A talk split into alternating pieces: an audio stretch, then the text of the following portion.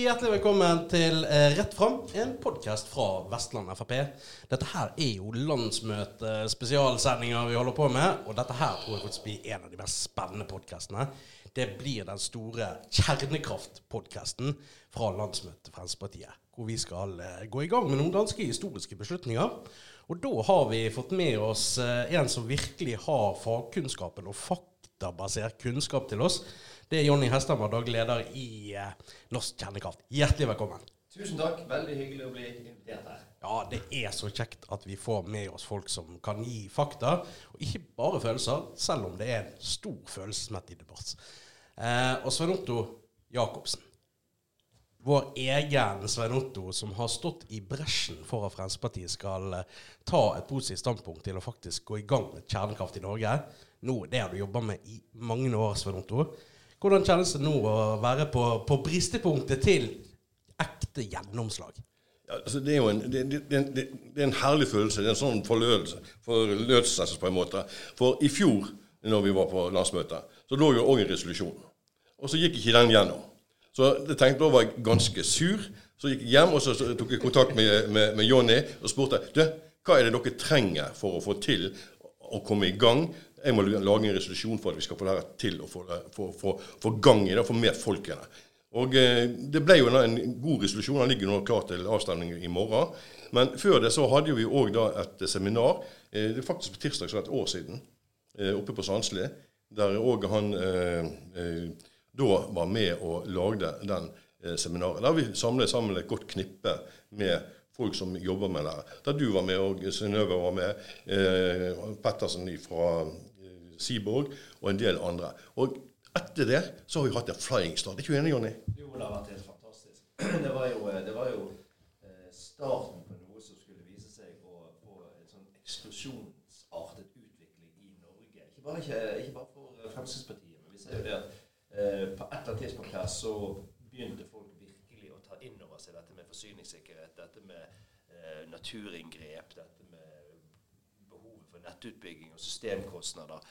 Og da, eh, da, ser vi at det har vært eh, en enorm endring iblant innad i de politiske partiene, men også blant eh, toppledelsen der. Men eh, en ting som jeg, som jeg tenker eh, lytterne Rett Fram eh, kanskje vil høre litt om, det er jo hva som er sikkerhetsbildet omkring kjernekraft anno 2023. Det, det her er jo fort en av de tingene som som eh, de som ikke er like framoverlent, eh, vil utfordre oss på, eh, Jonny. Hvordan er tilstanden på kjernekraftteknologien anno 2023? Ja, på, på, foredraget som Sunniva Rose og meg holdt i dag, i starten av landsmøtet, så trakk vi fram én slide som refererer til to rapporter som kommer henholdsvis fra EU sitt vitenskapspanel og FNs UNESA, altså det økonomiske organet for EU. EUs vitenskapspanel har gjort en enorm analyse av dette med sikkerhet og avfallshåndtering. Eh, og Det var jo på oppdrag fra EU-kommisjonen i forbindelse med at de skulle vurdere om kjernekraft skulle bli en del av denne taksonomien, altså betraktes som en bærekraftig økonomisk aktivitet. Og Det som EUs vitenskapspanel konkluderer med, er at kjerne, dagens kjernekraftverk er like trygge som eh, altså de som er bygget i verden i dag. Alle, alle de 450 kjernekraftreaktorene som finnes i verden i dag, de er like trygge som vindkraft.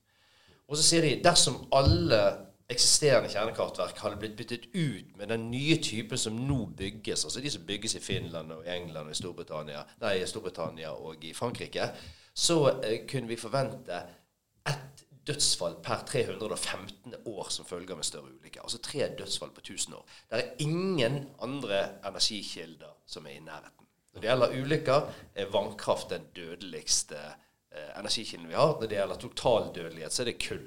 Kull tar livet av flere millioner mennesker hvert år pga. partikkelforurensning.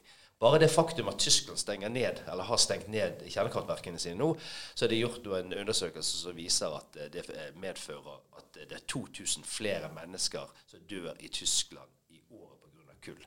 Og Det er jo interessant, for det betyr at på to år i Tyskland så vil det dø flere mennesker pga. det valget de har tatt, enn det som noensinne har dødd globalt eller vil dø av Tsjernobyl-ulykken.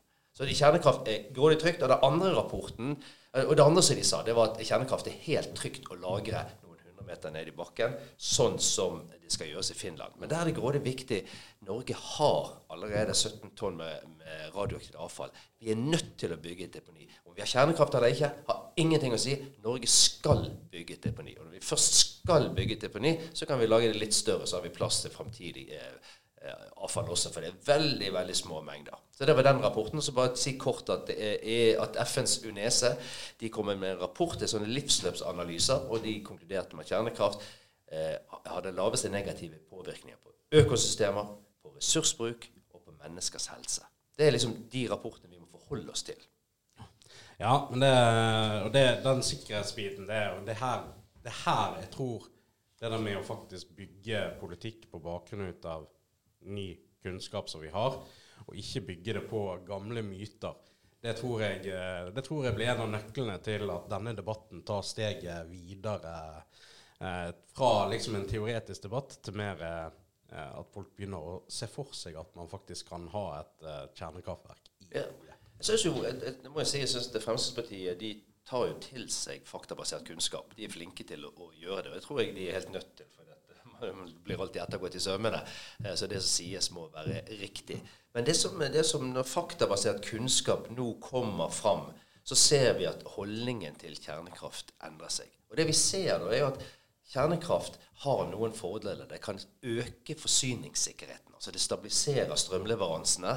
Men det gjøres på en måte hvor du får også samtidig redusert eh, behovet for naturinngrep.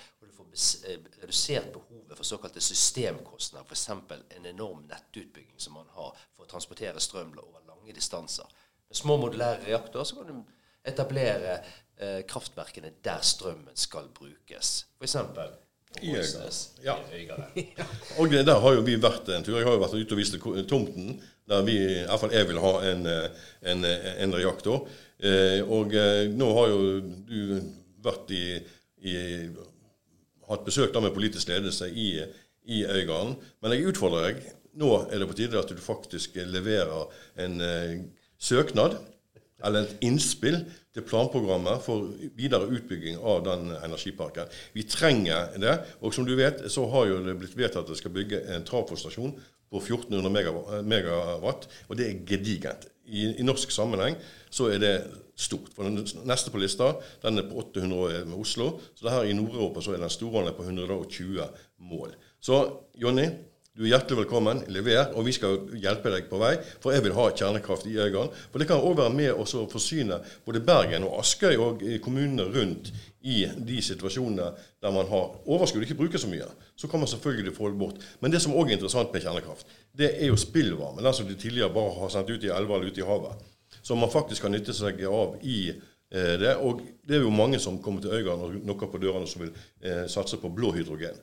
Og Der er jo det at man kan få ned kostnadene med å bruke spillvarmen til produksjon av hydrogen. Så jo, må man diskutere da, hvordan man skal gjøre det her, men det er iallfall en måte å gjøre det på som gjør at Norge igjen kan ta førersetet på en del områder innen industrien. Ja, men eh, Vi skal ta med oss den eh, utfordringen der. Nå inngikk jo Norsk Kjernekraft faktisk eh, så sent som i går en avtale om å starte utredningsarbeid i Aure, Heim Narvik kommune. Så det er jo tre kommuner som vi allerede har signert med. Og så kunne vi veldig godt tenke oss å gjøre akkurat det samme i eh, Øygarden. Og Det tror jeg er riktig. Jeg syns det er kjempeinteressant det du f.eks. sier med spillvarme. Vi ser jo det at den spillvarmen den har utrolig mye potensial. Det kan effektivisere hydrogenproduksjonen. Men du kan også bruke den til å lage drivhus. Du kan dyrke, eh, du kan dyrke for, for den saks skyld kan du dyrke avokado i drivhus i Øygarden med spillvarme. Du kan bruke det til å etablere et fantastisk badeland. Du kan rett og slett ha fjernvarme. Og dette, jo, dette kommer bare som et gratis tillegg i tillegg til strømmen. Så du får liksom, Den varmen kan brukes inn i boliger, den kan brukes inn i industrien, den kan brukes i drivhus, den kan brukes til å effektivisere hydrogenproduksjonen. Eh, og, og blir sånn eh, en bit av det store puslespillet. Så da lager du en setting med en næringspark og et liv rundt det som ikke bare er strøm. Og akkurat det med drivhus er jo litt interessant. for Vi har jo CCS-anlegget der. Sant? Så da kan vi få en sånn liten slange med CO2 inn i drivhusene òg, så du får økt veksten i tillegg. Det er mange muligheter som ligger til bruken ut av det. Men én sånn siste ting som jeg, jeg, tenker som må belyses litt i, i, denne debatten her. Altså, nå er vi alle sammen blitt så klar over hvor sårbar vi er på energifeltet. Og vi så det når Tyskland stengte ned atomkraftverkene sine. Ja, så uh, Det var en stor driver til at vi har hatt den energipriskrisen som vi har hatt nå i det siste. Så dette her er ikke lenger bare et tema for, uh, for de lærde. Men dette her er noe som folk flest merker på økonomien sin og hverdagen sin nå fremover. Men det er jo, vi har jo politiske konkurrenter som mener at vindkraft kan være en stor løsning på dette. Men der er det jo der er det noen eh, perspektiver som jeg syns, uh, syns uh, du forklarer veldig godt, Jonny. Altså, hva, hva, er det som er utfordringen med Arbeiderpartiets store løsning med at havvind skal bare løse framtidens energiutfordringer i Norge? Ja, det første jeg reagerer på, er jo at både Senterpartiet, SV og Arbeiderpartiet sier at de vil ikke være med å utrede behovet kjernekraft i Norge fordi at kjernekraft ikke løser noe fram til 2030. Og Det har jo de helt rett i, men du er jo ekstremt nærsynt hvis ikke du klarer å løfte blikket og si at vi har et, det største kraftbehovet i Norge kommer etter eh, 2050. Og Det som skjer da hvis, det, hvis du legger kjernekraft inn i energimiksen, det er at den skyver, skyver lenger ut de enda dyrere energikildene. Sant? Nå kommer det veldig høye karbonavgifter på fossilt, eh, og det er dyrt med, med, biomasse. Så i det øyeblikket du legger kjernekraft inn, så skyver du de ut. Det betyr at strømmen blir billigere. Men strømmen blir også da billigere hele tiden. For med væravhengig kraft så får du da den situasjonen at strømmen blir billig når det blåser masse. Det er jo dårlig inntjening for eh, vindkraftprodusentene, eh, men billig strøm for forbrukerne. Faktisk negativ strøm snakker de om i perioder. Eh, så legger du inn kjernekraft inn i den miksen, så stabiliserer du dette bildet. Og det har jo en utrolig viktig sånn synergieffekt. Så det betyr at forbrukerne de får billigere strøm eh, hele året enn det de ellers ville fått. Sant? I snitt, Snittprisen vil rett og slett gå ned. Samtidig så øker du forsyningsstabiliteten. For dette har jo veldig mye med forsyningssikkerhet å gjøre også. At vi må ha strøm. Eh, vi må kunne slå på strømmen og det skal komme varme, eller skal komme, vi skal bruke den til noe. Tar vi vekk det, så er jo det jo det som NVE har sagt. Mm. Eh, at eh, vi, de, alle landene rundt oss bygger ut væravhengig kraft. Og da risikerer vi plutselig at en kald vinterdag så er ikke strømmen der når vi trenger den. Og Det må vi ta inn over oss. Det er litt interessant da, hvis du ser hva skal til for å lage et stabilt strømsystem uten kjernekraft.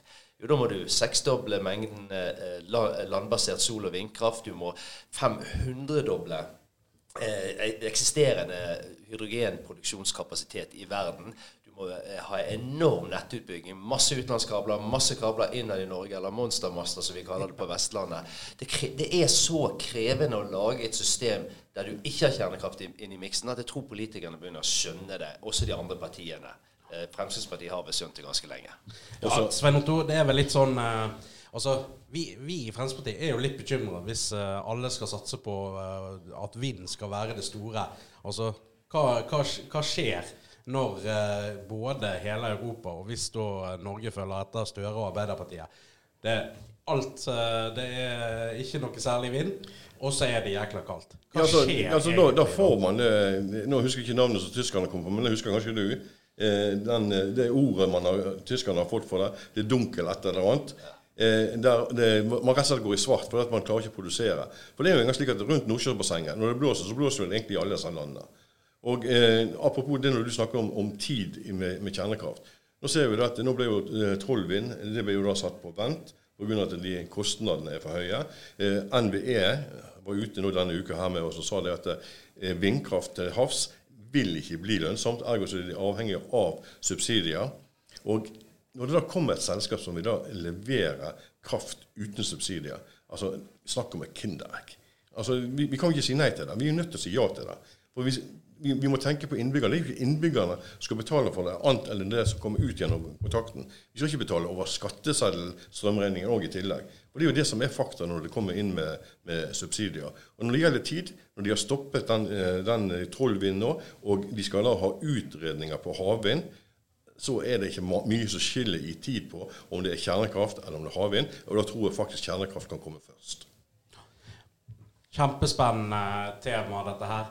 Også når vi da faktisk kan få en energikilde som eh, både styrker forsyningssikkerheten, tar ned strømprisen og uh, gir oss uh, en, en framdrift i forhold til stabilitet og trygghet i verden, da er Fremskrittspartiet frampå.